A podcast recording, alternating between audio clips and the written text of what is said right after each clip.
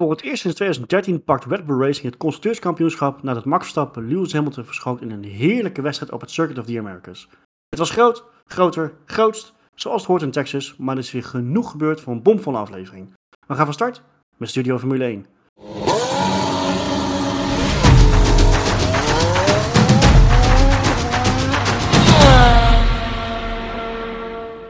Howdy partners, want Texas, hè, toch even cliché. Het was trouwens wel zo'n cliché weekend, gaan we zo denk ik nog wel even op, uh, op terugkijken. We hebben genoeg te bespreken. We moeten natuurlijk even stilstaan bij het overlijden van uh, toch een hele grote meneer uh, Dietrich Mateschitz. Er is wat nieuws, maar ook eigenlijk geen nieuws omtrent de budgetcap. Onze top en flop natuurlijk, waar we denk ik genoeg over zullen... er zijn in ieder geval genoeg kandidaten, laten we het daarop, daarop houden. De FIA is inconsistent nog steeds, maar ja, wat is nieuw? Maar goed, daar moeten we wel eventjes nog bij stilstaan. En volgende week is het tijd voor Mexico. Dus we hebben genoeg te bespreken. Maar zoals gezegd, het was wel een weekend wat begon, nou, halverwege een, een, zwart randje kreeg. In ieder geval voor het team van Red Bull Racing. Maar eigenlijk, en dat is een beetje de, discussie die ik wil openen voor de hele sport wel. Dietrich Maatschiets is natuurlijk overleden, de grote baas van Red Bull. Maar hij was eigenlijk nog veel meer dan dat, want hij wordt mede door mij, ben ik heel eerlijk in, gezien als alleen een baas van een energiedrankjesfabrikant. Maar achter de schermen en ook niet achter de schermen heeft de man natuurlijk wel ontzettend veel betekend voor de sport, denk ik, of niet? Ja, nou, ik, ik zat gisteren, heb ik meerdere races gezien. Als je dan al een beetje kijkt hoeveel in de breedte, hoeveel races er gesponsord worden door Red Bull, ook in andere motorsportklassen, zie je Red Bull blikjes, helmen, sponsoring op de, op de Kuipen bijvoorbeeld. En natuurlijk helemaal in de Formule 1, hè, gewoon twee teams die met Red Bull funding rondrijden. En natuurlijk echt het Red Bull team. Ja, dat is wel echt gigantisch wat hij heeft neergezet. Dus in die zin uh, snap ik wel dat de hele Formule 1 daar uh, een beetje van slag was. Want heel veel reizen natuurlijk ook die uit het Red Bull netwerk komen. Dus ja, dat, dat was wel even schrikken denk ik voor velen. Ja. Je zag ook een heleboel uh, emotie bij veel rijders wegkomen. Onder andere Christine Horner die echt de tranen wel in de ogen had. Ik kreeg de indruk zelfs bij Max dat de tranen daar in de ogen zaten. Dit heeft heel veel met mensen gedaan dat afgelopen week. En wat jij heel terecht zegt, Thomas, dat is, dat is niet heel gek als je kijkt waar. Als je gewoon in de breedste zin in de motorsport of überhaupt de sport, dan zeg maar eens kijkt naar hoeveel je het merk Red Bull en de kleuren daar terug ziet. Ik kan me nog herinneren, twintig jaar geleden hebben de Red Bull Air Races gehad. Wie kent het nog? Oh, heerlijk, ja. Ja, nee, maar hè, om een voorbeeld te geven, weet ik niet.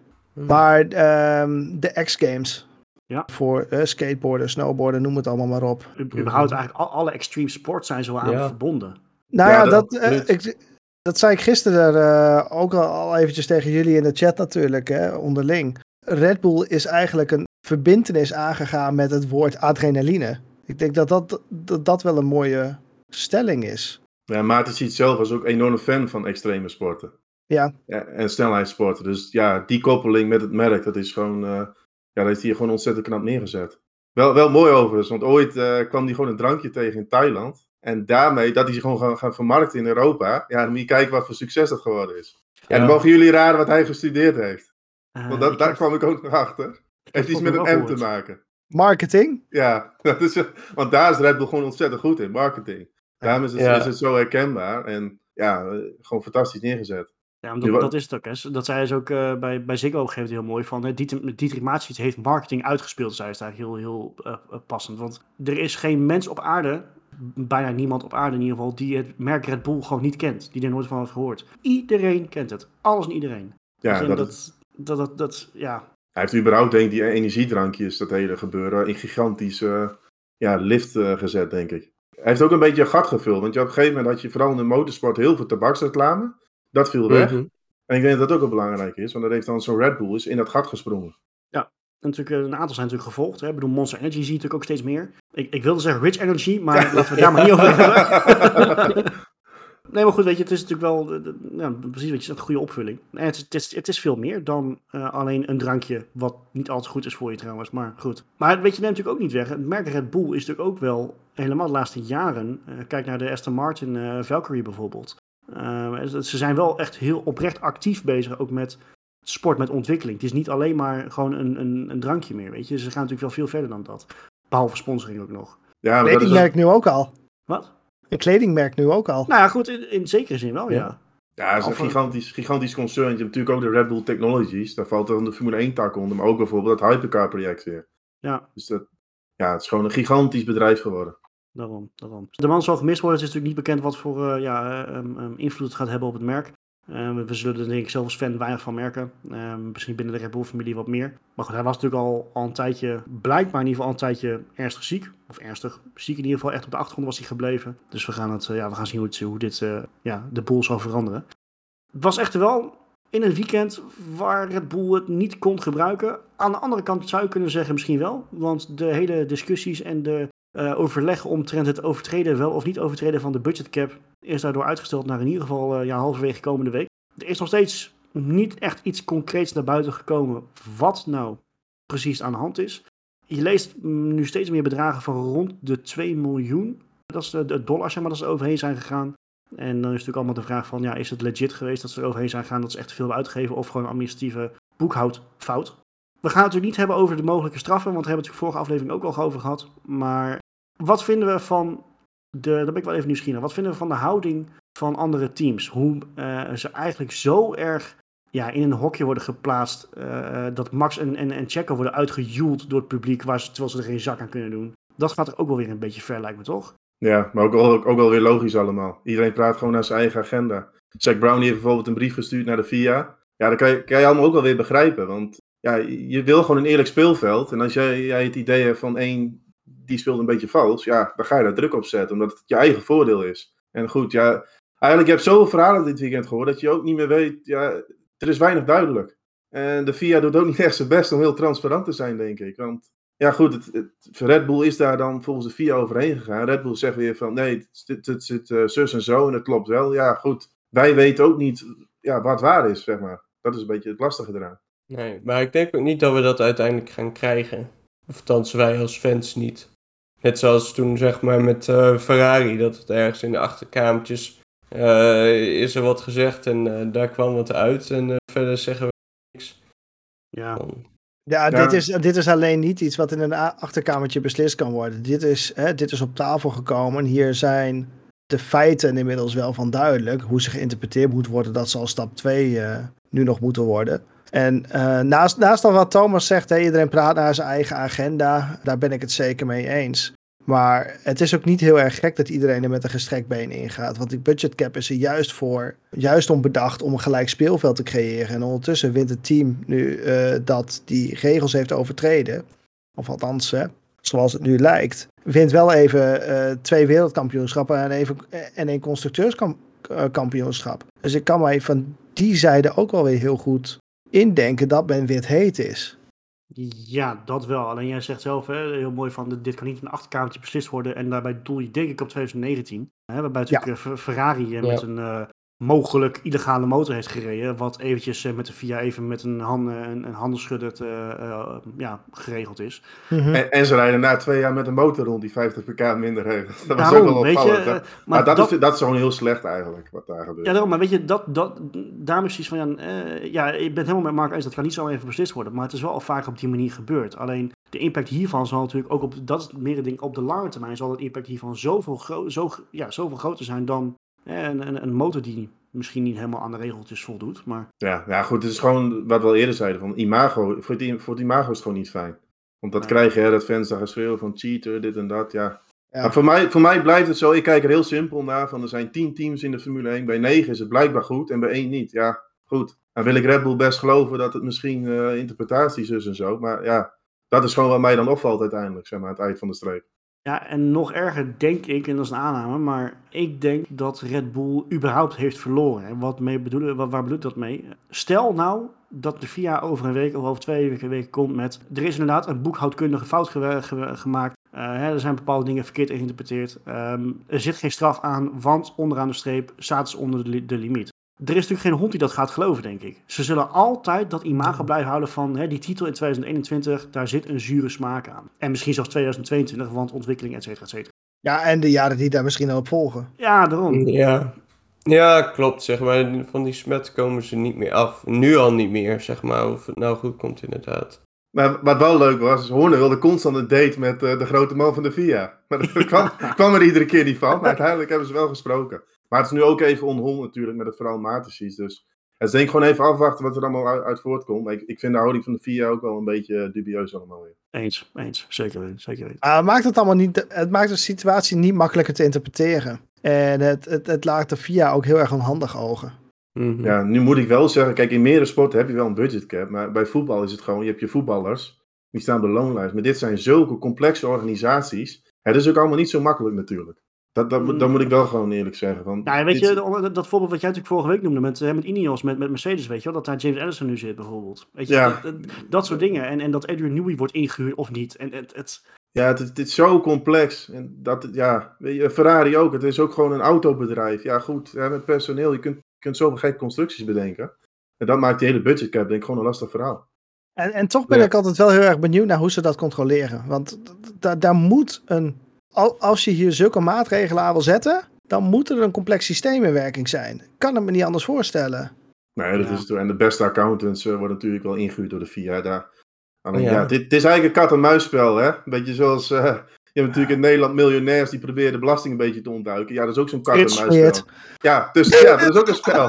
Tussen Belastingdienst en, en de miljonairs in Nederland. Dat, is- ja, Ja, dat is hetzelfde. Ja, ja, overal. En dat is inderdaad. Maar ik ben wel met Marco eens dat dit natuurlijk veel complexer is en makkelijker is dingetjes te, te verstoppen dan bijvoorbeeld een voetbal iets. ja. ik Nou, denk ook wel die, die tranen van Horner, waar misschien. Hij heeft natuurlijk ontzettend de werkdruk gehad eh, afgelopen weekend. Ja, Overal maar in de media verschijnen, gesprekken hier, gesprekken daar. Dus ik denk ook dat de energielevel een beetje laag was op dat moment. ja, zeker weten. Die man heeft eh, korte nachtjes gehad hoor, denk ik. Zo. Maar goed. Het laatste woord zal nu niet over gesproken zijn. We, ja, weet je, we, hebben, we roepen nu eigenlijk al een aantal afleveringen. We gaan zien wat er gaat gebeuren. We gaan zien wat er naar buiten komt. Maar er komt dus helemaal niks naar buiten. Maar ja, weet je, het is eventjes niet anders. Het is wachten op, eh, op daadwerkelijke bevestiging van, eh, van de VIA. Gelukkig draait op de zondag alles gewoon lekker om racen. En kwam al het gezeik en alle eh, drama eventjes, eventjes voor anderhalf uur, iets langer, het drama uit. Want onderaan de streep heeft Red Bull Racing voor het eerst sinds 2013 en voor het eerst dus in hybride tijdperk de constructeurstitel te pakken. Mercedes is ontroond, nu echt definitief. Vorig jaar natuurlijk bij de coureurs al en nu eh, ook met de constructeurs. Voordat we even de race gaan bespreken, even heel kort die constructeurstitel. Want voor de, ja, de gemiddelde fan, inclusief onder, ondergetekende, is die titel niet zo heel interessant. Maar voor teams natuurlijk des te meer. Want er gaat gewoon belachelijk veel geld mee gemoeid. Ik denk wel dik verdiend, hè?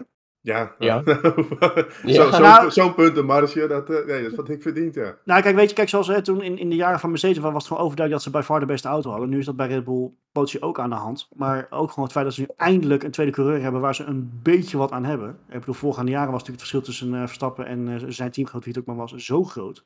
Ze hebben nu gewoon twee man waarmee ze kunnen vechten. En natuurlijk Ferrari, wat gewoon weer Ferrari was dit jaar, maar goed. Nou, Maar het is eh, wel een beetje anders eh, gelopen dit jaar. De- eh, Red Bull was niet vanaf dag 1 de, de snelste of het beste team. En het is pas over de langere termijn gebleken dat ze pas de betere auto hadden. Of eigenlijk de, de betrouwbaarheid beter op orde, dan, op, Ja. op orde hadden dan Ferrari. Eh, dat is het Ja. enige punt waar ze het verschil gemaakt hebben. Ja, en Ja, maar- op de racedag zijn ze gewoon hartstikke sterk, eh, Red Bull, uiteindelijk. Ja, maar uiteindelijk win je hem daar ook op betrouwbaarheid. Als je kijkt naar hoeveel motor-issues natuurlijk Ferrari gehad heeft. En En banden Red Bull eh, en banden, ja, ook.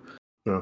Maar ook vooral, kijk, je, je ziet nu in de latere races dat Ferrari gewoon die motor heeft terug moeten schroeven, omdat ze het anders niet meer trekken tijdens de race. En daar is het verschil gemaakt voor mijn gevoel. Ja, strategisch. Op meerdere Eh, vlakken.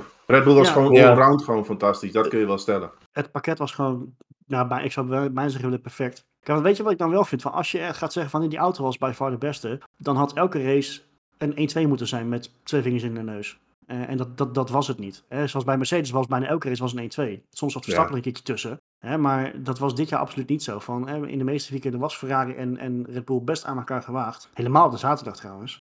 Ja, ik denk nog steeds wel dat een omslagpunt. We hebben toen die technical eh, directive gehad in Spa. Waar de vermoeden was van een flexibele vloer. Daarna heb ik Ferrari op de zondag niet meer sterk gezien. Als je, het eerste seizoen zelf, bijvoorbeeld Oostenrijk, was de Ferrari op de zondag sterker dan de Red Bull van Verstappen. Sindsdien is bandenslijtage is een drama bij Ferrari geworden. Wat dat betreft, die, die technical directives halverwege een jaar erg bullshit. Ja, klopt. Kut is dat. Ja, nou ja, goed, als dat iets Ja, je is. verandert de regels terwijl het spel gespeeld wordt. Ik ben er absoluut geen fan van. Nou, het was nu zo van iets wat niet mocht, kon alleen niet aangetoond worden. Dat is een beetje waar het neerkwam. Ja, dus eigenlijk waren ze meer op zoek naar eh, het aantonen daarvan. Ja. Maar ik denk dat het nu ook komt omdat je zeg maar nu echt Ja. met nieuwe auto's zit. Dus zeg maar, het is ook voor de FIA even aftasten van hoe pakt dit uit. Dus omdat dat een een heel jaar te laten wachten. Ja, en daarin zie je gewoon dat Formule 1 zo'n ontzettend complexe sport is. Dat je niet alles kan, kan afdekken en afdichten. Ja, en toch, we- zijn nu een beetje richting het einde van het seizoen. Toch vind ik wel, ik, had- in, laat ik het anders zeggen, ik had verwacht dat we net als in 2019, net als in 2014, met een compleet nieuw reglementenpakket, dat er toch een team zou zijn wat dan een loophole had gevonden. Of dat er een, een team is wat Hmm. één keer boven de rest uitsteekt. In 2009 hadden we Braun met de dubbele diffuser, mm, of de geblazen diffuser, sorry. Of allebei. En 2014 natuurlijk Mercedes met een machtige motor, maar ook gewoon een, een fantastisch aerodynamisch pakket. Maar dit jaar met echt compleet nieuwe auto's hebben we dat eigenlijk niet gezien. Kijk, er, er waren steeds verschillen tussen teams. En de boel was niet helemaal door elkaar heen geschud zoals we hadden gehoopt of verwacht. Maar er is ook geen enkel team mee geweest wat echt weggerend is. Of één team geweest wat de plank volledig heeft misgeslagen. Nou, ja, dat nou, dat ik vind wel. Mercedes, Mercedes was Ja. echt vernieuwend. Alleen dat Ja. klopte niet. Nee, oké, maar het, het was ook niet zo dat ze eh kansloos achteraan reden bijvoorbeeld. Nee, maar Nou, nee, en- klopt. en maar er zijn wel dat- meer teams die echt hebben moeten incasseren, naar mijn idee. Ja, ik weet niet. Nou, om toch even op Mercedes terug te komen. Ik vind juist wel dat ze de plank hebben misgeslagen. Kijk, wat natuurlijk een verschil tussen vorig jaar is, is dat we met een heel ander soort benzine zijn gaan rijden. En daar hebben ze hem volledig misgeslagen, lijkt het. Ja, maar het Ja, hebben het echt over de motor. Oké, dat- ja. Ja. Maar ook de auto, hè, als je anderhalf seconde in kwalificatie af en toe uit je broek krijgt, dan gaat het echt eens niet goed. Nee, Want-. Nee. De- Ze hebben natuurlijk wel dezelfde mogelijkheden en middelen als de Red Bull en Ferrari. Dus die hebben wel een flinke plank misgeslagen, denk ik. Ja, Ja. Ik snap jullie redenatie, maar ik doel er meer van. Het is niet zo dat ze kansloos achteraan reden en dat er niet een team is wat echt het, het stevaste rode lantaarn had. Nee, en eh, dat, dat vind ik wel echt wel 100% meegevallen. Dat hè, de, er in, in best wel een strak reglement is neergezet waar gewoon weinig, ja, weinig loopholes in zaten. In principe. Dus, maar goed, neem niet weg. Overwinning nummer 13 van het seizoen. Overwinning nummer 33, toepasselijk, van zijn carrière van Max Verstappen. Nieuw record. Nee, een evenaring van het record moet ik zeggen, sorry. Voor eh, Sebastian Vettel en eh Michael Schumacher. Natuurlijk wel met wat meer races dit seizoen. Maar goed, hij kan hem natuurlijk nog verbreken. Hij, kan hem, eh, hij heeft nog drie races te gaan, dus je weet het maar nooit. We gaan altijd de race analyseren aan de hand van top en flop. Nou, weet je, je kan er met kan je niet omheen. Eh, Max Verstappen is ook gewoon top. Om meerdere redenen. Zijn team heeft natuurlijk, of zijn team, ja, weet je, zijn team heeft die pitstop verprutst. Dik verprutst, want het was echt wel 10 seconden langzamer dan wat het had, had moeten zijn volgens mij. En toch, met een heerlijk gevecht met zijn eh, nou, rivaal, dit seizoen wat minder, Lewis Hamilton. Toch staat hij alweer bovenaan. Toch ook Perez wel weer eh, redelijk op afstand gereden. Ook had hij een penalty, zwaar. Maar ja, volgens mij geen discussie over mogelijk, toch? Nee, wa- waanzinnig weer.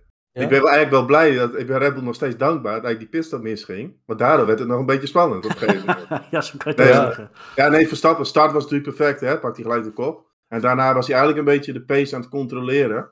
Had constant eigenlijk een, een gat op Hamilton, waardoor hij met de pitstops constant konden ze reageren op Mercedes. Ja, tot die laatste pitstop, dat ging dan even niet goed. En daarna, dat vond ik wel mooi trouwens, de radio hoorde ik echt balen. Maar Verstappen, die wil in het leven, vindt hij één ding vindt hij het allerleukste. En dat zijn Formule 1 races winnen. Dus dan gaat die kop, die gaat volle focus weer op die wedstrijd. Ja. Eerst het gevecht met Leclerc, dat vond ik mooier dan het gevecht met Hamilton. Dat was een leuk gevecht. En vervolgens, ja, dan eh, toch de pace van de Red Bull. Toch wel iets beter nog dan van de Mercedes. Ja, en de rechte lijnsnelheid van de Red Bull is echt waanzinnig. Ja, dat Want hij kwam volgens mij, ik zat te kijken, hij kwam 19e achterstand recht een stuk op. Dan denk je, ah, dit- dit gaat waarschijnlijk niet lukken. Maar ja, de rechte lijnsnelheid is zo gigantisch. Hij zat er voor de remzone al, al voor bij Hamilton. Dat hielp, het, Ja. nu hielp het natuurlijk wel mee dat het ook de Mercedes was die dus echt helemaal niet hard loopt op het rechtstuk, maar toch. Ja, maar dat, dat zijn dus twee werelden. Kijk, een Red Bull met Verstappen, die kan nog terugkomen. Omdat ze die rechte lijnsnelheid hebben, kunnen ze nog mensen passeren. Je ziet bij, vaak bij Mercedes, ja, zodra ze achter, op achterstand komen, is het afgelopen. Want ze komen niet voorbij. Hoe vaak hebben we Hamilton wel niet achterin het trein bij Gasly gezien? Ja, Ja, Ja. bijvoorbeeld. heel vaak in treintjes en natuurlijk nog in Japan. Maar Ja, voor zo- Verstappen sowieso- was wel mooi. Horner zei ook van, dit, dit, had uh, Matis iets het liefst gezien, zo'n wedstrijd. Was natuurlijk wel heel waanzinnig gereden. Ja, Ja, klopt. En ik denk dat daarmee ook een goed voorbeeld is van zeg maar hoe goed die eh, combinatie is van de coureur en het team dit seizoen, zeg maar. Het is gewoon, nou ja, met redelijk gemak toch beide grote, of, eh, beide grote concurrenten even, ja, aan het snot rijden. Ik vond het vooral fijn weer Max weer even, even moeten moeten zien vechten. Hè. Begin van het seizoen natuurlijk een paar heerlijke knokpartijen met Leclerc gehad. eh, waarin we al vaker ook eh, samen in, dat, in de aflevering hebben gezegd van... wat gaat dat heerlijk respectvol, eh, zonder gezeik, zonder beuken van de baan of noem maar op. En nu gewoon weer, weet je. Ook met Hamilton was hard, maar wel gewoon fair. En die met Leclerc inderdaad ook. Dat is wel weer lekker om te zien. Maar goed, Dat, eh, ik ben er waar ik even benieuwd naar ben vanuit jullie kant. De, ja, weet je, social media. En ik weet, social media is echt de perfecte plek om eh, meningen te, te, te, te zien en te lezen. Maar de kritiek op Max Verstappen ehm, eh, was natuurlijk niet mals nadat hij begon te janken op de boordradio over die pitstop. Maar daarom is hij zo goed. Dat is, dat is, zulke, dat is zulke flauwekul. Als je, weet je wat het gewoon is? Als je er niet om geeft, als het je niet interesseert, dan ben je niet zo goed. Dan heb je niet die drive. Dat is net wat ik zeg. Van hij vindt één ding vindt hij belangrijk, dat is die wedstrijd winnen. En hij is compleet vol gefocust. Als er iets misgaat waar hij niks aan kan doen, dan is hij even zuur. Maar daarnaast gewoon die kop, eh, en dat hoor je ook wel van zijn teamradio. Hè? Van oké, Max, gewoon weer focus nu. En dan doet hij dat ook wel. Ja. Maar dat is gewoon even heat of the moment. Dat is compleet logisch. Hij, heeft dat denk ik ook wel een beetje nodig om, om het weer uit zijn systeem te krijgen. Vanuit engineer bedoel je? Nou, nee, nee, ik bedoel meer, hij moet even, even filteren. Ja. Ja. Gewoon stoom afblazen eventjes. Ja, Op ja, dat- Ja. Op dat precies. moment wordt hij wit heet in zijn kop. Dan moet hij even schreeuwen over die radio en dan gaat hij weer. Ja, en toch, dat, dat zijn, als je er een beetje bij stilt, dat zijn alleen, echt alleen de allergrootste die deden dat. En Schumacher was ook een verschrikkelijke vent als het niet ging zoals het moest. Die- idem dito. En maar daarom zijn ook. ze zo goed. Dat zijn geen, eigenlijk zijn het helemaal geen leuke mensen ook. Maar, ze, nee, maar daarom zijn ze zo maar goed. dat is toch bij al die topsporters? Ja, maar al die Ja. topsporters hebben dat. Die hebben een soort baas, een focus van ik moet en ik zal vandaag die race winnen. Daarom bent Ricciardo dus niks. Nee, die is te leuk. Ja, ja, maar, ja, Ja, maar die mist wel. buiten de baan. eh. Ja, maar dat hoor je dus over iemand als Ricciardo. Van hij is gewoon qua feedback en alles toch iets minder. Ja, die andere jongens die zijn zo gedreven. Die, gaan, die zijn zo perfectionistisch. Die willen alles goed hebben. Ja. Die gaan pas slapen als alles voor elkaar is bij het team. ik zou enige uitzondering die ik misschien- misschien kan bedenken is eh, Valentino Rossi van de MotoGP. Maar ik, volgens mij was dat ook achter de schermen echt een lul van een vent, denk ik. Ja, maar, ja, Maar- die kon, ja, dat was ook gewoon. Als het op race aankwam, was hij bikkelhard natuurlijk. Ja. Ja, daarom. Ja. je hebt het verleden Hunt gehad, die hield wel van een feestje. Ik, ik- we hebben die tijd niet meegemaakt, natuurlijk de documentaire met Lauda. Dat was misschien een uitzondering. Maar Ja. Verstappen, dat is gewoon, weet je, zo'n boordradio. Stappen had het ook Ja, wel van een feestje, heb ik gehoord. Dus, eh, ja maar die, Ja. niet, niet in het weekend zelf. Dat is echt, eh, dat heb ik die tijd nog wel eens gedaan. Ja, daarom. En dat is, alleen maar- kan je alleen maar verder, eh, verder waarderen. En, en nog even over PRS natuurlijk. Dat is gewoon het verschil. Ja, eigenlijk heeft Red Bull een paar tienden extra in de wedstrijd. Maar het is alleen in de auto van Verstappen zo. Maar die heeft een paar tienden extra PRS. Want wat PRS doet, is alleen op stratencircuits kan die aanhaken. Dus dan wint hij ook twee keer. Maar op de normale circuits rijdt hij eigenlijk een beetje mee met Ferrari en Mercedes. Dat is het verschil, denk ik. Mhm. Maar goed, Jantje lacht, Jantje huilt. Eh, waar top is, is ook flop. En waarom noem ik het zo? Eh, mijn flop is iemand die wij regelmatig aan beide kanten hebben gezien. Want het is altijd of het een of het ander. Het is nooit ertussenin. Dus we weten precies om wie het gaat. Onze grote vriend, Lance Stroll. Oh man. Nee, maar we, we- zeggen het wel vaker. Soms is hij briljant. Helemaal als het nat is, kan hij echt wel sturen. Maar wat, wat hij in Amerika deed, in, in Texas. Spiegels, waarom heeft die gast nog spiegels? De actie op Alonso, het verdedigen op zo'n hoge snelheid. En op het laatste moment eventjes een stuurbeweging maken. Ja, dan mis je er een paar in Canadese hoofd hoor, echt waar. Ja. Maar het lijkt wel alsof hij gewoon geen diepte ziet. Of niet weet dat het beeld in je spiegels verkeken is. Of, eh, Ja, de, eh, hij heeft geen racecraft. Hij, hij moet zo'n dingetje in zijn spiegel zeggen van objects in the mirror are, are closer than, uh, than it looks. Ja. Echt, ik kan er zo slecht tegen van die jongen. En dan ook claimen van, oh ja, nee, eh, ik deed het allemaal perfect. Ja. Ja, gast, Ah, iedereen zijn moeder weet dat je het verneukt hebt. Eh nou. hij, hij gaf na die crash zelf eigenlijk ook al toe. Hij ging er niet op in van, hé, ik zag hem niet of wat dan ook. Hij wist het donders goed. Wat Ja, maar super kut is, want je zegt inderdaad, het ene moment is hij briljant. Deze race, tot dat, dat moment, was echt goed. Het hele weekend was goed Het eigenlijk. hele überhaupt weekend, Aston Martin. überhaupt Aston Martin, maar Stroll was erg sterk. Maar wat Marco zei, racecraft, hij kan gewoon dingen vaak helemaal niet goed inschatten. Het is natuurlijk niet de eerste keer. Want Nee. toen ik twee auto's zag, Alonso en eh, Stroll, het eerste beeld is natuurlijk dat ze helemaal kapot waren. Nou goed, Alonso viel nog mee uiteindelijk. Maar in ieder geval, toen had ik direct zoiets, oké, die is van zijn lijn afgeweken. Dat doet hij zo Ja. vaak. Ja, En precies dat is ook gebeurd. En op het laatste moment nog ineens van je lijn af. Ja, dan moet je, dan moet je al eerder inzien. ja. Ik Je wil moet eerder... Verdedigen is helemaal niet erg. Dat, dat doen ze allemaal. Hij heeft gewoon gebrek aan inzicht. Want als jij weet van hè, hij komt, dan ga je eerder naar die binnenkant. Hij doet het pas op het laatste moment, omdat hij gewoon, hij is verrast denk ik. Van, hey shit, er zit iemand achter me en die is sneller. Dus nog even verdedigen. Ja, op het laatste moment. En is hij steeds een stap te laat. Maar wat we Ik- net over, over hadden Verstappen, ja, die Stroll, die moet gewoon een keer pakken op zijn sodemieter hebben, denk ik. Eh, Verstappen vroeg op de kartbaan, als hij iets doms deed, Jos was dan wit heet. Maar bij Stroll heb je altijd het idee van die een makkelijke opvoeding gehad van, ja, hij rijdt toch wel weer, de centjes die staan weer klaar. En, want op zich Ja. heeft hij qua, hij heeft best wel talent. Dat laat hij dit weekend ook wel zien. Er staat toch weer in Q3, beter dan Vettel eigenlijk. In de wedstrijd staat hij er prima bij. Eigenlijk wel zonde ook. Hij is, al- als het even kan, is hij heel erg snel. Wat ik wel vind, kijk, hè, dit, dit, hè, deze crash ontstaat omdat hij eigenlijk reageert op wat Alonso doet. En tot in een zekere hoogte mag dat in F1 natuurlijk. Maar dit is ook een klein beetje waar deze crash ontstaat. In de F1 mag je reageren op een, op een aanvallende actie. Als je even kijkt naar bijvoorbeeld IndyCar, en dan haal ik ook even een beetje aan wat, hoe heet hij zei bij, eh, bij F1 TV, ik ben zijn naam even Hinchcliffe, denk ik. Ja, ja, ja, Hinchcliffe zei. Eh Hinchcliffe is natuurlijk IndyCar-rijder. En IndyCar heeft daarin een hele andere regel. Je mag niet reageren op een aanvallende actie. En ik vind dat stiekem best wel een hele goede regel ook. Omdat je daar... Ik vind dat De- saai. Ja, Ja, is het- dat zo? ja, Ja, ik vind ja. het saai. Het haalt wel een beetje het racen uit het racen. Ik weet daar- Ah, Op- ben ik niet op- helemaal met je eens. Je moet een keuze maken als, als verdediger. Ga ik aan de binnenkant of de buitenkant zitten en daarop moet de aanvallen reageren? Op een oval snap ik die regel trouwens. Hè, dat- Ja, dat nee, zo- zeker. Ja, dat alle-. Anders vallen het eh, eh, twee, dozen voor, twee doden voor een kwartje. Maar ja, het legt de verantwoordelijkheid bij een andere partij neer. Maar je, je zou dit soort crashes voorkom je daar wel mee. Want dat gebeurt vaker. Hè? Het is niet alleen strol. Nee, maar goed. Dit gebeurt niet heel vaak. Hij is wel vaak bij betrokken, moet ik eerlijk zeggen. Latifi en Ja, nee, dat ben ik met je eens. de twee rijders die van die rare fratsen hebben gewoon. Ja, maar goed. ehm, weet je, eh, ik zou bijna kunnen zeggen van volgens mij is het een collectieve flop. Want het is eh, natuurlijk schandalig. Ja, nou, dus- hij, hij stond met shortlist top tot aan dat moment. Dat is ook het mooie, Ja. hè? Ah, Hij bij gaat mij in, één, in één keer gooi je alles weer weg met één zo'n actie. Dat is Ja. ook zonde. Ja, maar daarom zei ik dus, want Ja. het, is of, het is of het een of het ander. Het is nooit gewoon stabiel, gewoon oké, prima race. Het is of een goede race of gewoon Ja. helemaal ruk. En het was nu weer het laatste. En misschien staat hij volgende week wel weer eh, zesde of zo, weet jij veel. Nou goed, nou, ja, hij kan het wel. Dat is het. Ja, Jammer. mm, maar goed. We- weet je wat trouwens wel leuk was? Heel even kort. Alonso, die vond er helemaal niet zoveel aan de hand. Maar dan heb ik wel het idee, in welke auto rij jij volgend jaar? Ik wou dat zeggen. Dat vond ik wel vreemd hoor. I- alles en iedereen vond het een waarloze actie van Stroll. Maar degene die erbij betrokken was, Alonso, die zei, ja, viel wel mee. Ja, ja, ik als zoiets van, jij rijdt daar volgend jaar. Ik denk dat wel, Ja. als het Hamilton was geweest, had hij moord en brand geschreeuwd. 100%. Ja, 100%. Ja. maar Dus dan dat hebben we het ook over iemand. Ja, oké, Ja, maar dat geeft wel aan hoe... ja, Eigenlijk een beetje hypocriet van Alonso, denk ik. Ja, nou goed. ja, klopt. Dat is zeker. Ah, Ehm, dit, dit wordt zeker in een kamertje nog besproken. Ja, Sorry, zeker. ga door. Ja, Ehm, mooi nou, welkomstcadeau. Er er is zoveel gebeurd dit weekend weer. We moeten een beetje, een beetje tempo maken. Thomas. Ja, ik heb mijn top en flop bij hetzelfde team. Maar ik begin even met top. Nou, dan weten jullie de flop ook gelijk al. Maar mijn top was eh, Lewis Hamilton. Natuurlijk een mooie wedstrijd gezien eh, om de overwinning. Maar Hamilton was ook gewoon het hele weekend best wel sterk.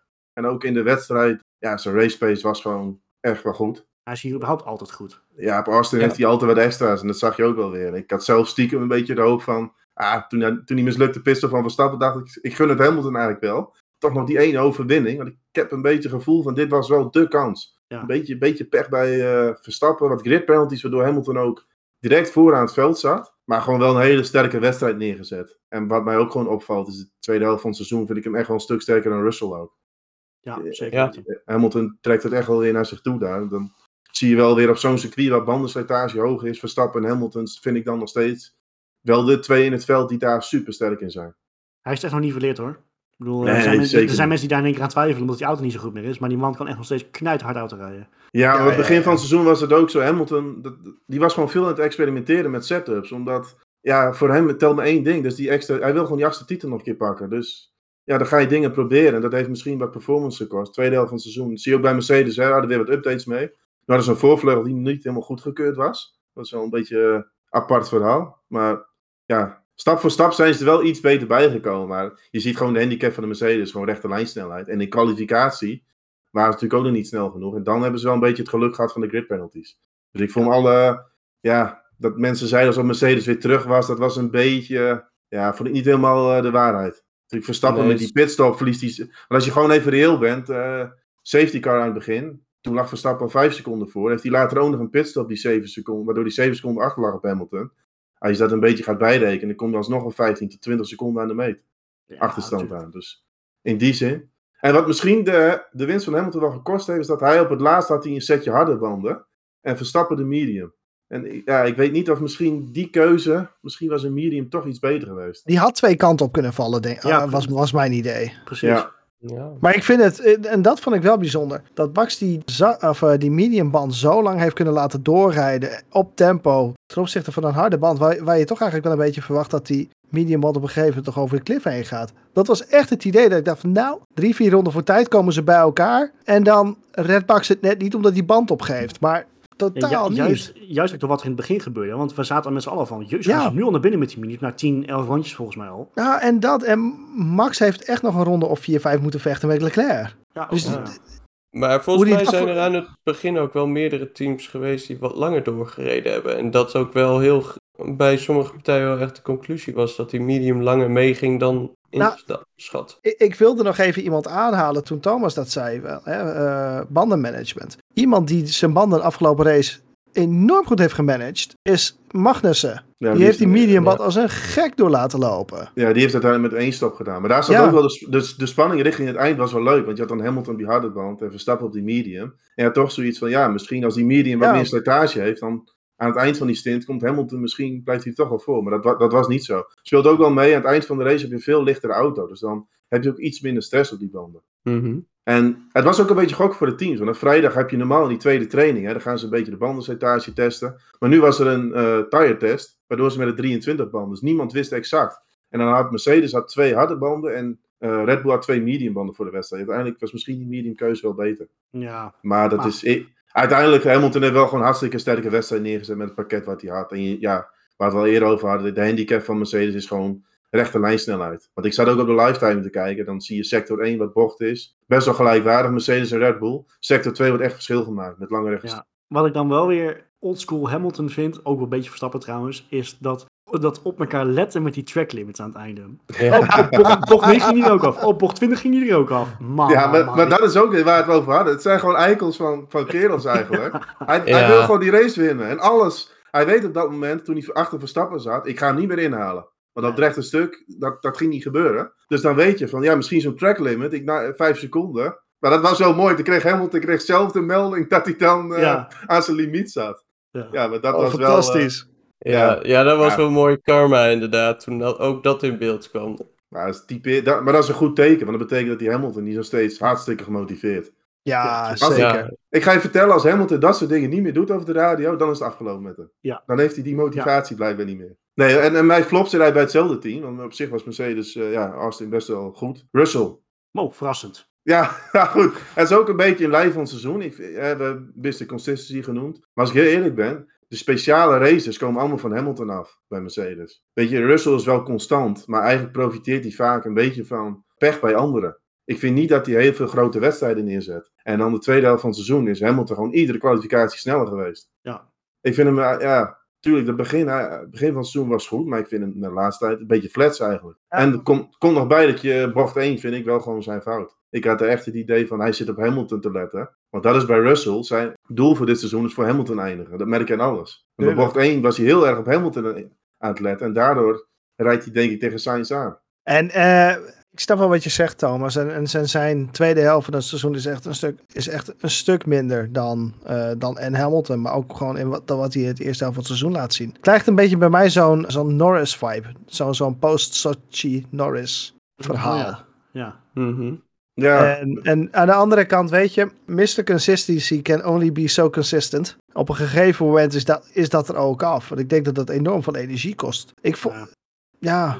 Zolang hij maar niet eh, consistent eh, bocht 1 gaat beuken. Ja. nee, maar nu, Ja, nu is was toch een dat... Mercedes dingetje, dus... eh, Ja, Bottas had er ook een handje van. Ik denk de teamgenoot van Hamilton. Die, nou, maar ik vind bij Russell gewoon ja, een beetje flats als het ware. Het is nog steeds wel constant, maar ja. Zoals Hamilton heen was een aantal wedstrijden dat hij gewoon een, een kleine kans op de overwinning heeft. Ik had dat voor Russell eigenlijk niet gezien dit seizoen. Ja, die springt die Pol in Hongarije eruit. Maar als je dan op de zondag ziet dat hij dan achter Hamilton eindigt, weet ik niet. Ik vind het allemaal. En dan, ja, deze race misschien ook wel weer een voorbeeld van dit weekend. Beetje Ja, ik heb ook niet altijd. Hij hij heeft het geluk ook af en toe wel tegen zich hoor, de laatste races. ja, dat wel. Maar Ja, volgens jou, Thomas, is het wel Russell zijn...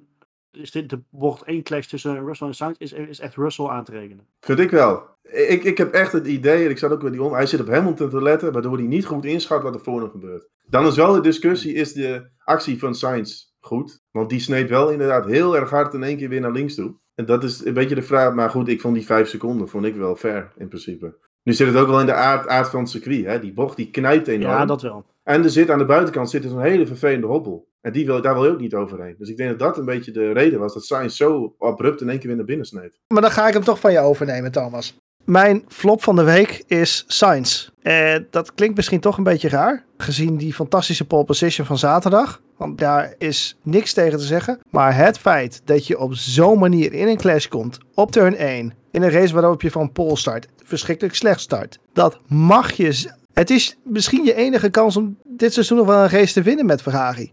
En dan gooi je hem zo weg. Want Ja. Toch in Silverstone gewonnen? Ja, nog een overwinning. nog een overwinning. Ik vind, het is typisch Sainz dit seizoen. Dat, me- dat meen ik serieus. Is te Sainz vaak in- start. Te Ja, vaak hij- ronde 1. te vaak ronde 1 of te vaak iets waar hij zelf naar mijn idee toch iets van invloed heeft. Ja. Waardoor hij weer geparkeerd staat of uitvalt of wat dan ook. En ik ben het volledig met je eens. Want de schuld van, van die hele situatie ligt volledig bij Russell. Want die Russell die heeft, die, die moet ook kunnen ontwijken. Maar die slechte start, een hele rare turn 1. Omdat je moet compenseren voor, voor Max. Je bocht uiteindelijk niet uitkomt. En naar, het is een start van een race. Je, je weet dat de mensen om je heen gaan dansen. Zeker als je zo'n bocht beroerd uitkomt, totaal niet wegkomt. Dan gaat iemand aan je binnenkant komen zitten. Ja, maar hij zat nog niet... Ja, Hij sneed compleet weg van, van de buitenkant. Terwijl je vanaf die buitenkant dan gewoon kan blijven. En natuurlijk, die hobbel hartstikke mooi. Dat ga je de race niet doen. Maar je weet dat je verkeer om je oren krijgt met zo'n start. Ja, dat is voor mij wel. Ik denk dat beide eigenlijk hier niet een hele grote fout maken. Deel zit gewoon in de aard van het circuit. En, Ja, maar wat je zeker. zegt, Sainz, het is wel zo, Sainz is vaak betrokken bij dit soort dingen dit seizoen. In de eerste Ja. Dat is wel gewoon... ja dat absoluut. Maar zeker ik, zonde, want ja, dan heb je een mooie pole position. En dan is het heel snel is het alweer klaar. Ja. daarom zeg ik, het is een race-incident. Maar Russell heeft, heeft straf gekregen puur omdat hij langs de race heeft verziekt. Maar niet omdat het zijn fout is. Zo. Ah, nee, Ja. dat... Ja, Het is de samenloop van omstandigheden. Hè? Bocht 1, druk. Russell verremt zich, Sainz snijdt in. ja dat, is, dat is de sleutel. Ja, Kijk, hè, je, je moet ten alle tijde in controle van je eigen auto zijn. Op het moment dat je verremt, dan heb je dat niet. Daar valt die straf op. Ja. Had hij zich niet verremd, had hij hem kunnen ontwijken. Dan was er helemaal niks aan de hand geweest. Was Hamilton buitenom gegaan. Dat was overigens ook wel jammer Ja, voor de maar, wedstrijd. maar eh, had hij zich verremd en had Sainz alleen een tik gekregen, dan was er niks aan de hand geweest. Het is, eh, weet je... Nou, weet ik niet. Dat weet ik niet zo zeker. Maar goed, ook een beetje een samenloop van omstandigheden. Maar voor Sainz was wel jammer. En dan pak, nee, dan pak je die pole, dan denk je nou...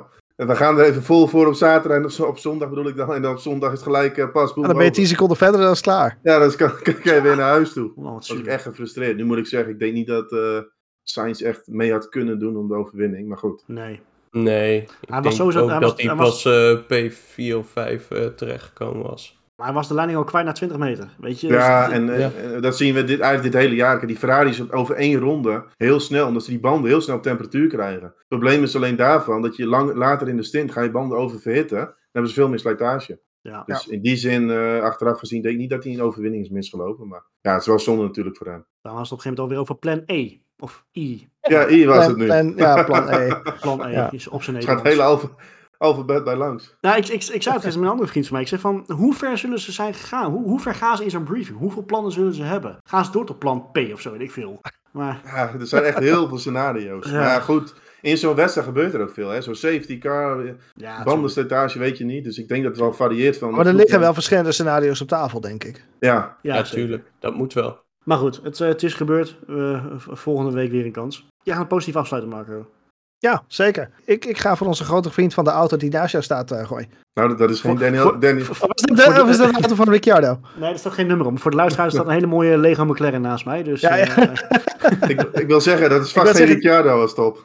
Nou, dan wordt het tijd om Snel daar een viertje op te op. Ja, precies. Nee, mijn top van de week is, eh is Lando Norris met een fantastische inhaalrace. En Ja.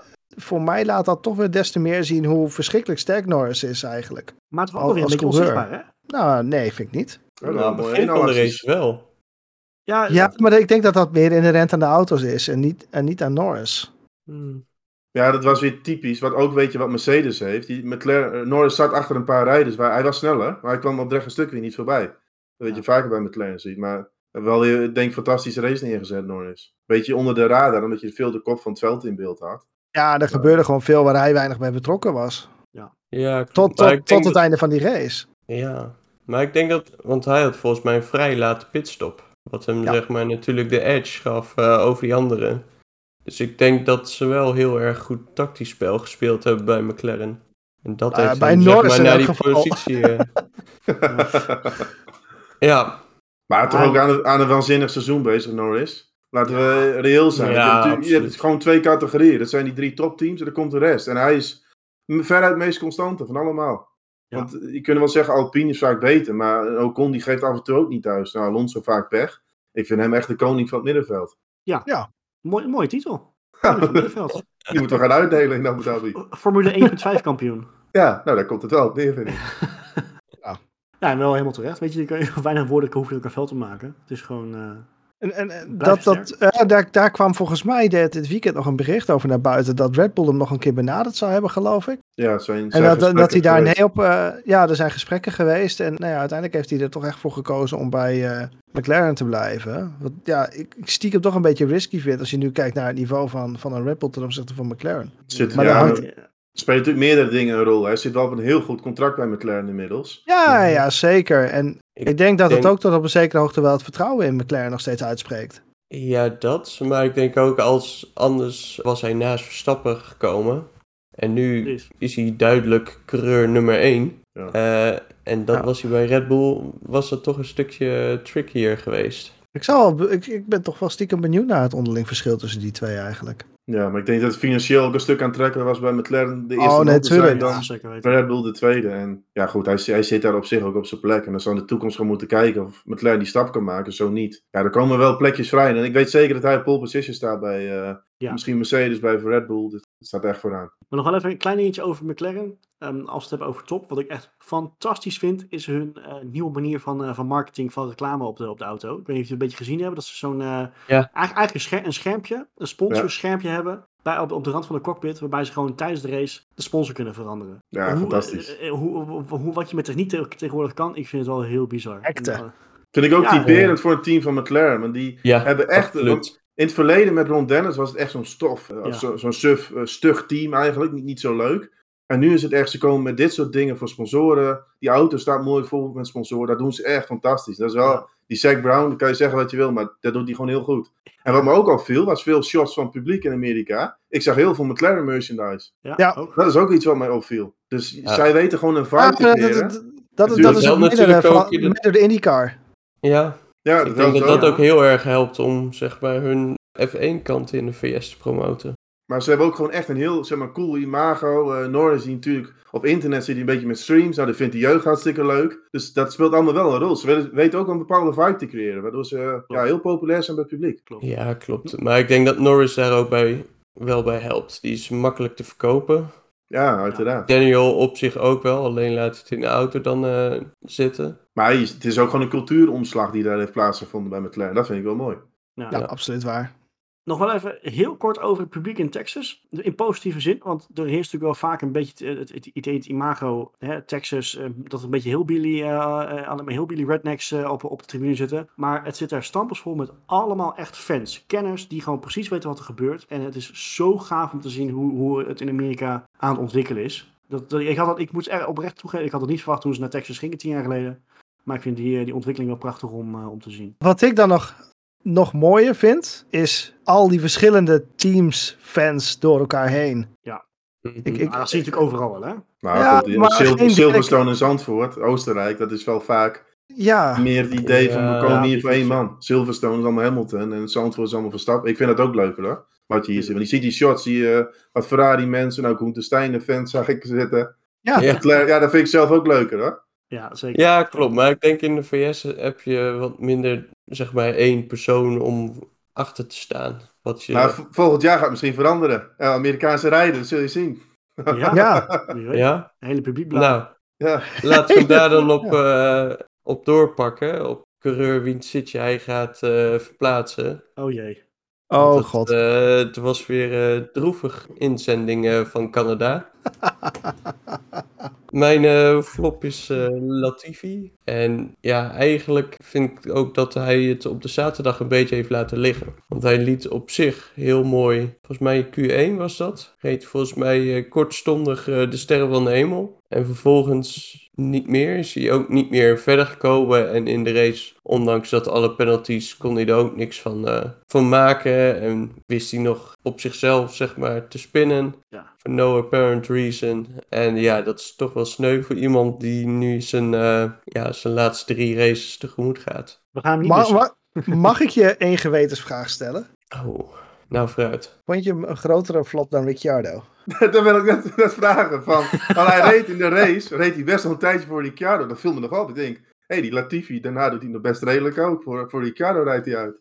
Het is inmiddels, Ja. gewoon- het, het is inmiddels zo erg dat we Ricciardo gewoon niet eens meer noemen. Maar dat was Of echt... ben je, mij- dan ben je laag gezonken, zeg? Ja, maar volgens Ja. mij dobbelen die twee eh, wie de lantaarn mag houden. Nou, maar Ricciardo in de McLaren is wel iets beter. En hij, die is echt op 40 seconden gereden door Norris. In- Ja. En dan heb je ook nog een safety car periode. We hebben alles bij elkaar. Ricciardo, dat was echt gênant hoor. Ja, ik, vroeg, ja. ik vroeg me nog af of hij een probleem had. Maar na de race gaf hij aan van ik had gewoon geen grip. Dus er was niks geks ook met de auto aan de hand. Nou ja, bereik maar wel wat met je afstelling dan als je geen grip hebt. Ja, oké, maar goed. Dat- gek. maar- Daar heeft hij wel vaker last van. dan. Dat is niet Want ik klopt. vind het Ja. heel bijzonder, want het is een circuit wat aan Ricciardo heel goed zou kunnen liggen. Maar goed, we hadden het over Latifi. Ja, Eh Ja, dat maakt niet eigenlijk kunnen we over Het beide geen alle- woorden vuil maken. dat Nee. waren de twee grote jokers van deze Ja. zondag. Ja, Ja, precies. het dat is zijn het juiste twee eh, woord. races die door het putje heen kunnen. Maar goed, jij gaat het nu in ieder geval positief afsluiten. Fijn. Ja, dat ga ik zeker doen. Eh, wat mijn top is, eh, onze grote vriend eh, Sebastian Vettel. Held. Ja, die heeft echt een schitterende race neergezet. Kortstondig aan de leiding gereden. En nou ja, al- als zijn team eh, niet acuut ver- ja, vergeten was hoe ze een pitstop moesten doen, had hij eh, misschien nog wel P5 of zo kunnen hebben. Maar desondanks P7. Zeker na het terugkomen van die slechte pitstop. Ja. Echt fantastisch. Terecht de drive of the day. Dus, eh, en ook heel mooi, zeg maar, die laatste paar bochten tegenover Magnussen. Oh, Toch nog die Ja. laatste plek, of eh, die P7, ja, zeker stellen. Dat was echt schitterend om te zien. Dat was een fantastisch gevecht. Ik was zo blij om, dat te zien. Zo van, hij kan het nog, gelukkig. Weet je, dat is echt een man die we wel gaan missen. Maar het was, de race van Vettel was echt een gigantische rollercoaster van emoties, volgens mij. Dat eerste, eh, we hebben nog een tweetje gepost van eh, Sebastian Vettel aan de leiding in de Aston Martin. Ik bedoel, even een foto maken, want dat ga je nooit meer zien, denk ik. En dan eh, echt letterlijk een minuut later, je hebt dus die klote pitstop. Ja, En dan nog wat voor fantastische acties weer terugkomen. ja daarom, fantastisch. Ja, in die zin een beetje een vergelijkbare race als, eh als Verstappen. Alleen dan een paar, eh, paar plekken lager. Ja, maar wel zeker terecht de driver of the day. Daar is, daar is ook echt geen twijfel over mogelijk bij helemaal niemand, volgens mij. Maar en zijn vader die zat bij eh, Sky Duitsland. En die zei ook van, ja, ik vind het jammer dat hij stopt. Maar dat, en dat Ja. gaf hij wel toe van, het is meer het wereldje eromheen wat eh, voor Vettel gewoon ja, de tijdrovend is en dat soort zaken. Ja. Goed, als je zoveel races hebt, snap ik dat ook wel. Ja, maar precies. was wel weer, je kan bij Vlagen kun je echt wel zien dat die man viervoudig wereldkampioen is. ja, Ja, Dat absoluut. is wel, eh, en, die, en die starts, dat valt me ook op. Bij de start komt hij, net als Alonso, dat denk ik toch de ervaring, komt hij best wel vaak dat hij echt veel plekken wint. Hij had nu vijf plekken winst al naar bocht 1. ja Mhm. klopt ja. Ja. Bij Aston Martin waren gewoon gigantisch goed in de eerste helft. Het Ja. eerste gedeelte. Dus Ja, goed, Stroll die stond al wat verder voor in, maar Vettel komt van iets verder en die zat er gelijk achter. ja, daarom. Ik moet wel zeggen, Aston Martin, dat heb ik al vaker gezegd, die doen, het- die doen het op zich best wel redelijk. Ja. Ik denk nog steeds dat Alonso niet, niet zo'n verkeerde zet heeft gemaakt. Want wat er ook mee te maken heeft, ze hebben natuurlijk iemand van Red Bull binnengehaald, eh Fellows, ja, aerodynamica man. Maar het heeft gewoon tijd nodig voordat die ontwikkelingen echt op die auto zitten. Natuurlijk op een gegeven moment in Barcelona, dat ze met die Red Bull sidepods komen. Ja goed, dan heb je dat erop zitten, maar dan ga je fine-tunen. En dat kost gewoon een aantal races. Want ja, winter of testen door het seizoen hebben we niet. En dan zie je nu Ja. wel dat die auto best wel redelijk is hoor. Nee, klopt. Dus Ik wil nog eventjes een korte subtop en sub... Nee, niet eens een subtop. Ik vind het raar dat niemand Fernando Alonso heeft genoemd als, als eh, top. Ik wil, ik wil eerst überhaupt weten waar die auto van gemaakt is. Want hoe die godsnaam dat Zo. heeft overleefd, dat eh, is me echt een raadsel. Echt, gewoon een, een video op het rechtstuk neerkomen, de vangrail raken. En vervolgens terug naar de pits komen, vleugel erop en weer gaan. En, Ze worden volgend jaar gesponsord door Boeing, denk ik. Ja, ik wil zeggen, het leek wel een Boeing 747 toen hij zo omhoog... Hij stond ook echt zo omhoog met zijn wielen echt richting... Hij heeft gewoon een wheelie van Nee. weet ik veel hoeveel meter gemaakt. Ja, Ja, echt wel. ready, ready for takeoff. Nou, dat ging niet. Ja, Maar eh, eh, uiteindelijk natuurlijk gewoon weer super goed teruggekomen. Peter, top 10 gereden. Ja. Maar is daar niet geëindigd en dan kom ik bij de subflop aan. De FIA was in mijn ogen weer een lachertje. De inconsistentie waarmee zij handelen. Eh, Alonso krijgt 30 seconden straf. Omdat hij dus met een, een, een manke auto terug gaat naar de pits. Weet je, kan je wat van zeggen, snap ik wel. Maar volgens krijgt Stroll, die op, eh, met de 300 op de klok eh, van lijn verandert op het laatste moment. Die krijgt drie plekken straf voor Mexico. Nu snap ik wel dat dat voor hem natuurlijk alsnog betekent achteraan starten waarschijnlijk. Maar dan nog. Weet je, de meatballs waren, die, die waren dit keer dan weer niet. Terwijl ze er bij Haas de voorgaande keren wel waren. Terwijl het een soortgelijke situatie was. De inconsistentie is echt weer om te janken. En, dat, dat, en helemaal in, in, in een land als, als de Verenigde Staten moet je dat gewoon niet doen. Want daar houden de fans echt niet van. Nou, de grootste grap vind ik aan het geheel nog van... Hè, je hebt dus die uitslag na de wedstrijd. Eigenlijk niks aan de hand. Haas gaat in protest. En ineens krijgt iemand dan 30... Maar dat was tijdens de race al. Was het al duidelijk dat er gewoon die spiegel... Die wapperde alle kanten op. En dan hebben we eerder dit seizoen gehad dat Haas volgens mij drie keer een meatball heeft gehad voor, voor een wing and plate. En nu, eh, ja, was de meatball vlag, die was, die was misschien niet op Austin, weet ik niet. Maar daar komt hij niet tevoorschijn. De gehaktballen waren op. Ja, Ja. maar dat is, dat, is echt- hot- het, is, het is zo triest. Ik, ik, snap do- ik snap volledig dat Haas in protest gegaan is. Ja, Ik kan, Ja, het, ze, ik kan het ze niet. Ik kan het ze gewoon niet kwalijk nemen. Menigeen zal zeggen, ja, wat kinderachtig. Maar nee, ze zijn drie keer erbij gelapt door een meatball. En dan krijg je dit. Ja. Ik vind, hè, daarnaast, we hebben het nog niet eens genoemd, maar Perez, fantastische race trouwens gereden hoor. Had ook gewoon op de bon geslingerd kunnen worden wat dat betreft. Ja. Ja, maar- Eh, ik maar- weet, maar ik dat- weet niet of jullie dat plaatje hebben gezien, maar die, vleugel stond, eh, stond ne- net, als, eh, net als bij Magnussen een aantal reden geleden, gewoon om tien over één. ja, dat is die inconsistentie.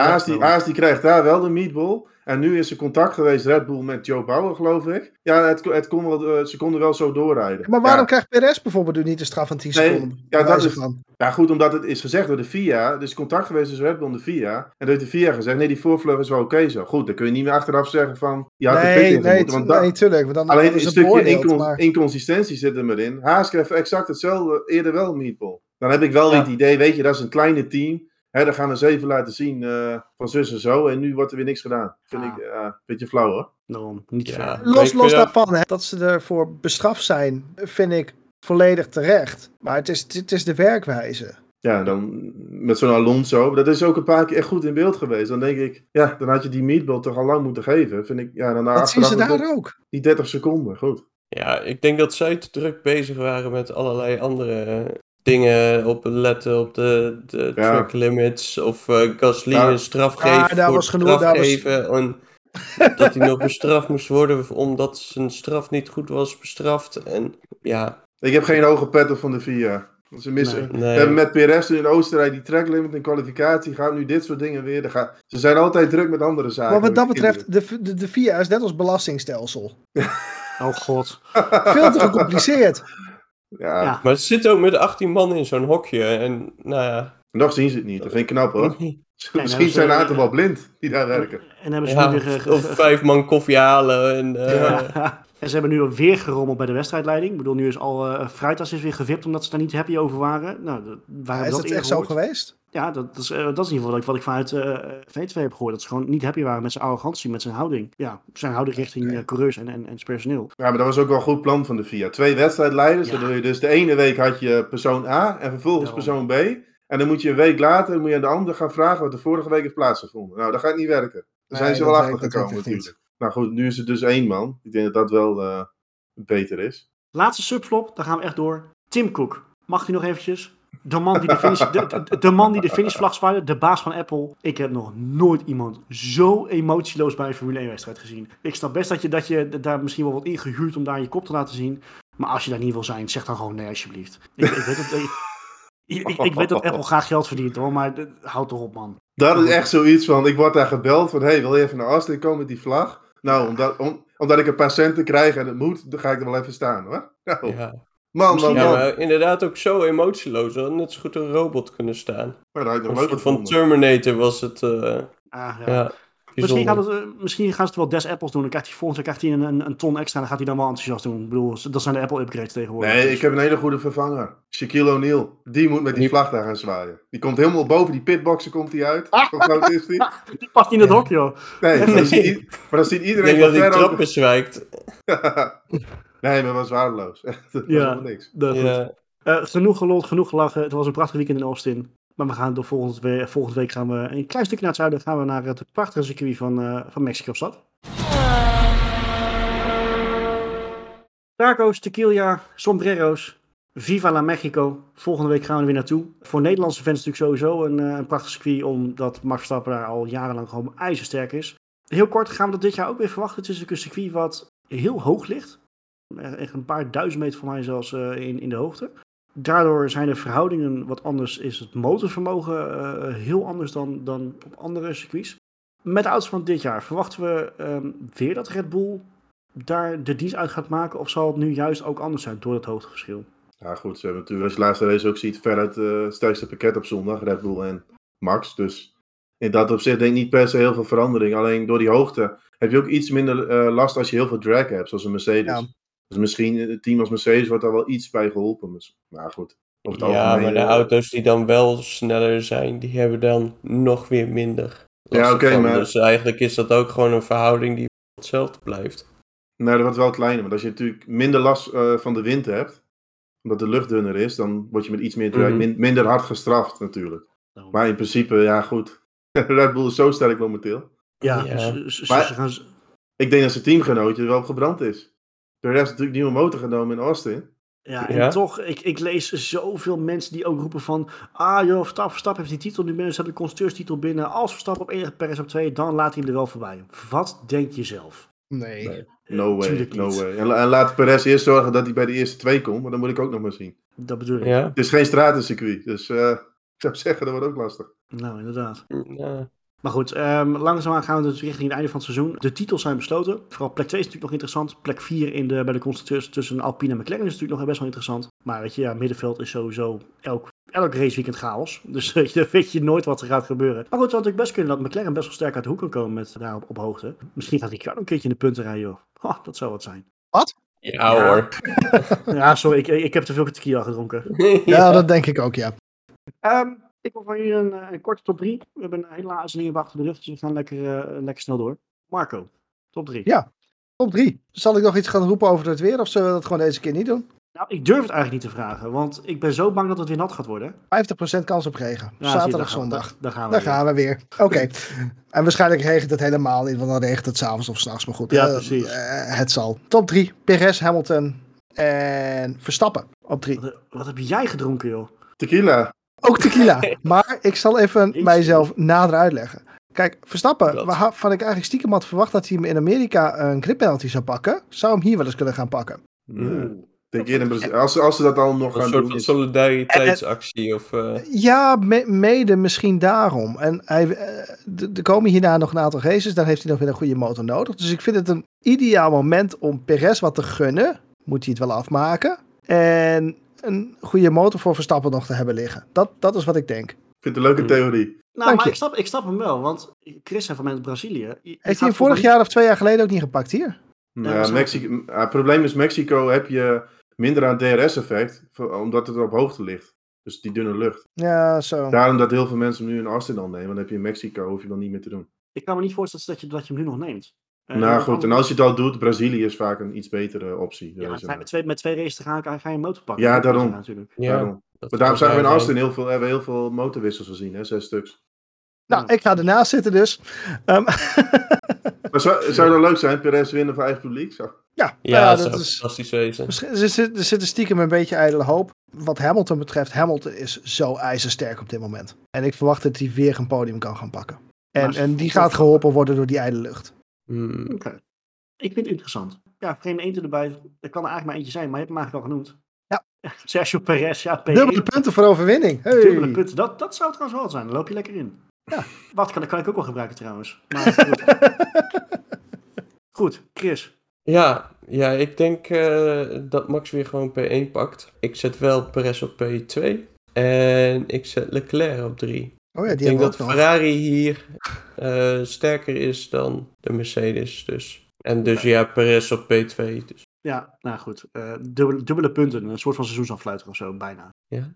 Oké, eh, ik ben ook wel, denk ik wel snel klaar. Ik zeg ook een 1-2 voor eh, Red Bull met Verstappen, Perez en dan Hamilton op 3. Ik verwacht ook een sterk Mercedes met eh, de, de omstandigheden die we daar hebben. Ervan uitgaan dat het droog blijft, trouwens, dat dan wel. Maar ja, dat is natuurlijk altijd afwachten. Dus Perez op 2 voor dubbele punten. Last but not least, Thomas, gekke voorspelling. Verstappen, Ja, wat geks. Leclerc- Nee, valt mee, valt mee. Verstappen, Leclerc, Hamilton, Perez 5. Weet je-. Ja, ik vind het dan wel leuk dat sentiment, maar hij is gewoon niet snel genoeg. Ik kan wel hopen Ja, Mexico. P- P5 is dan wel heel overdreven. Ja, ik denk dat hij gewoon moeite gaat hebben in de kwalificatie. En in de race, ja. Nee, ik deed P5. Dat is helemaal niet zo heel veel wat. Ik, ik had eigenlijk Oké. nog, een- nog een andere leuke vreemde eten erbij kunnen zeggen. Hoe vaak zien we de vader van Sergio Perez in beeld? Goh. 884 keer. ja, constant. Eh. Gaan de wedstrijd weer missen omdat die Perez zijn vader constant in beeld is. Ai, ai, ai, ai, ai. Verschrikkelijk. De, de beelden van vorig jaar staan nog in het geheugen in het uh, Latvisch gebrand. Zo. Maar weet je wat ik wel heel mooi vind in. Mexico? Die laatste sector, dat, eh dat stadiondeel. Dat vind ik altijd wel heel Ja. Fantastisch. Schitterend. Ja, en toch ook weer niet, want het voegt ook weer niks. Ja, het qua... qua Dat is toch Eh, mooi? Leuk plaatje. Of zie ja, jij liever de Qatar, zo'n stoffige band en een beetje Ach, zand? oh, man. Volgend Leuk jaar, plaatje, godverdamme. Nee, het, eh, is, ik, ik vind de, de race op Mexico vallen vaak toch gewoon een beetje tegen. Weet je, het is voor Nederlands fans is het vaak leuk omdat Stappen lekker voorop rijdt. Maar verder is Nee, maar het... Dat komt echt door die ijle lucht. Want dan heb je helemaal Ja. niet zoveel slipstream met DRS. Waardoor de- het is een beetje een treintje dan vaak rijden. Dat is een beetje het probleem. En Austin eh, dit weekend was natuurlijk ook leuk. Omdat er een aantal factoren die het wel mooi maken. Hoge bandenslijtage. Je kunt er prima inhalen. Eh, nou, door de wind werd het ook nog een beetje lastig voor coureurs. En het asfalt is niet altijd even fantastisch. Goed, voor niet iedereen is dat leuk. Maar voor ons kijken wel interessant. Maak je toch wel sneller een foutje en dergelijke. Ja, eens. Maar goed, bom van uitzending weer gehad. Maar eh, meer dan terecht natuurlijk. Er is gewoon weer eh, ja, belachelijk veel gebeurd afgelopen eh, week. Hebben we nog een nabrander voor nu, voordat we naar Mexico afreizen? We hebben het amper over Logan Sargent gehad. hè? Ja, maar... De, Die bevestigd is. Ja, dat is Maar- wel natuurlijk wel, wel een van de verhalen van natuurlijk. Als die in Abu Dhabi eh, voldoende eh, punten haalt. Ja, ja Dan, dat is, dat is dan hebben we natuurlijk een Amerikaan aan de start staan. Dat is wel gaaf. Ja. Ja, maar mede daarom vind ik het ook niet echt het verhaal van het weekend. Want eh, het is nog niet 100% bevestigd. Weet je, ik, Nee. ik, vind, ik, vind het een hele, ik vond een hele Ja, rare ze spreken natuurlijk wel een voorkeurskandidaat uit nu. Ja. Ja, maar wat nou als hij niet die superlicentiepunten haalt? Dan wordt het dus iemand anders. Die is altijd tweede keuze. En hoe gaat dat overkomen? Ja, dat, dat zeg je wel dat wel erg zou dat wel grappig zijn. Ik weet niet Ja, waar ze maar dan het is naartoe volgens mij nu überhaupt dat het, eh, wat het nu te rijden een derde keuze is. eh, En toch vind ik het geen slechte keuze voor ze. Nee, tuurlijk niet. dat Zeker is weer niet. anders wat. Helemaal op commercieel gebied is het gewoon een hele goede keuze Ja, voor ze. Dat is een van de Ja. redenen. Ik denk als hij geen Amerikaan was, dat het nog wel eens lastig had kunnen zijn. Want ik heb ook een beetje naar zijn eh, junior categorie gekeken. Niet echt dat ik, wel goed, maar niet indrukwekkend. Geen Piastri of wat dan ook. Niet zo goed als Stroll. Nou, Stroll is kampioen geworden Formule 3. Stroll had een mega jeugd trouwens. Dat Dus- is het gekke nog altijd. Ja, daarom ben Ah, ik er nee, niet zo dat ik zeg van Surgeon, dat, dat, dat wordt echt een kanon gelijk. Nee, dat klopt. Dat klopt. Maar goed, wel een jonge jongen, leuk. Ja, zeker weten. Mooi. We gaan verreizen naar Mexico. Volgend weekend eh, zijn we er weer. Wel weer zoals nu, ook een, eh, dagje later. Eh, de race begint om eh 7 uur Nederlandse tijd, als ik het goed heb begrepen. 8 uur Nederlandse tijd. Nederland, 9 uur Negen. Nederlandse tijd. Sorry, 9 uur Nederlandse tijd. Nog Oh, later. steeds later. Ja, sorry. De race begint om 9 uur Nederlandse tijd. Dus we, eh, we zijn laat klaar, dus we gaan hem eh, op eh, de maandagavond gaan we weer opnemen. Voor nu, mannen bedankt, luisteraars bedankt, kijkers bedankt, iedereen bedankt. En tot, tot de volgende Grand Prix in Mexico.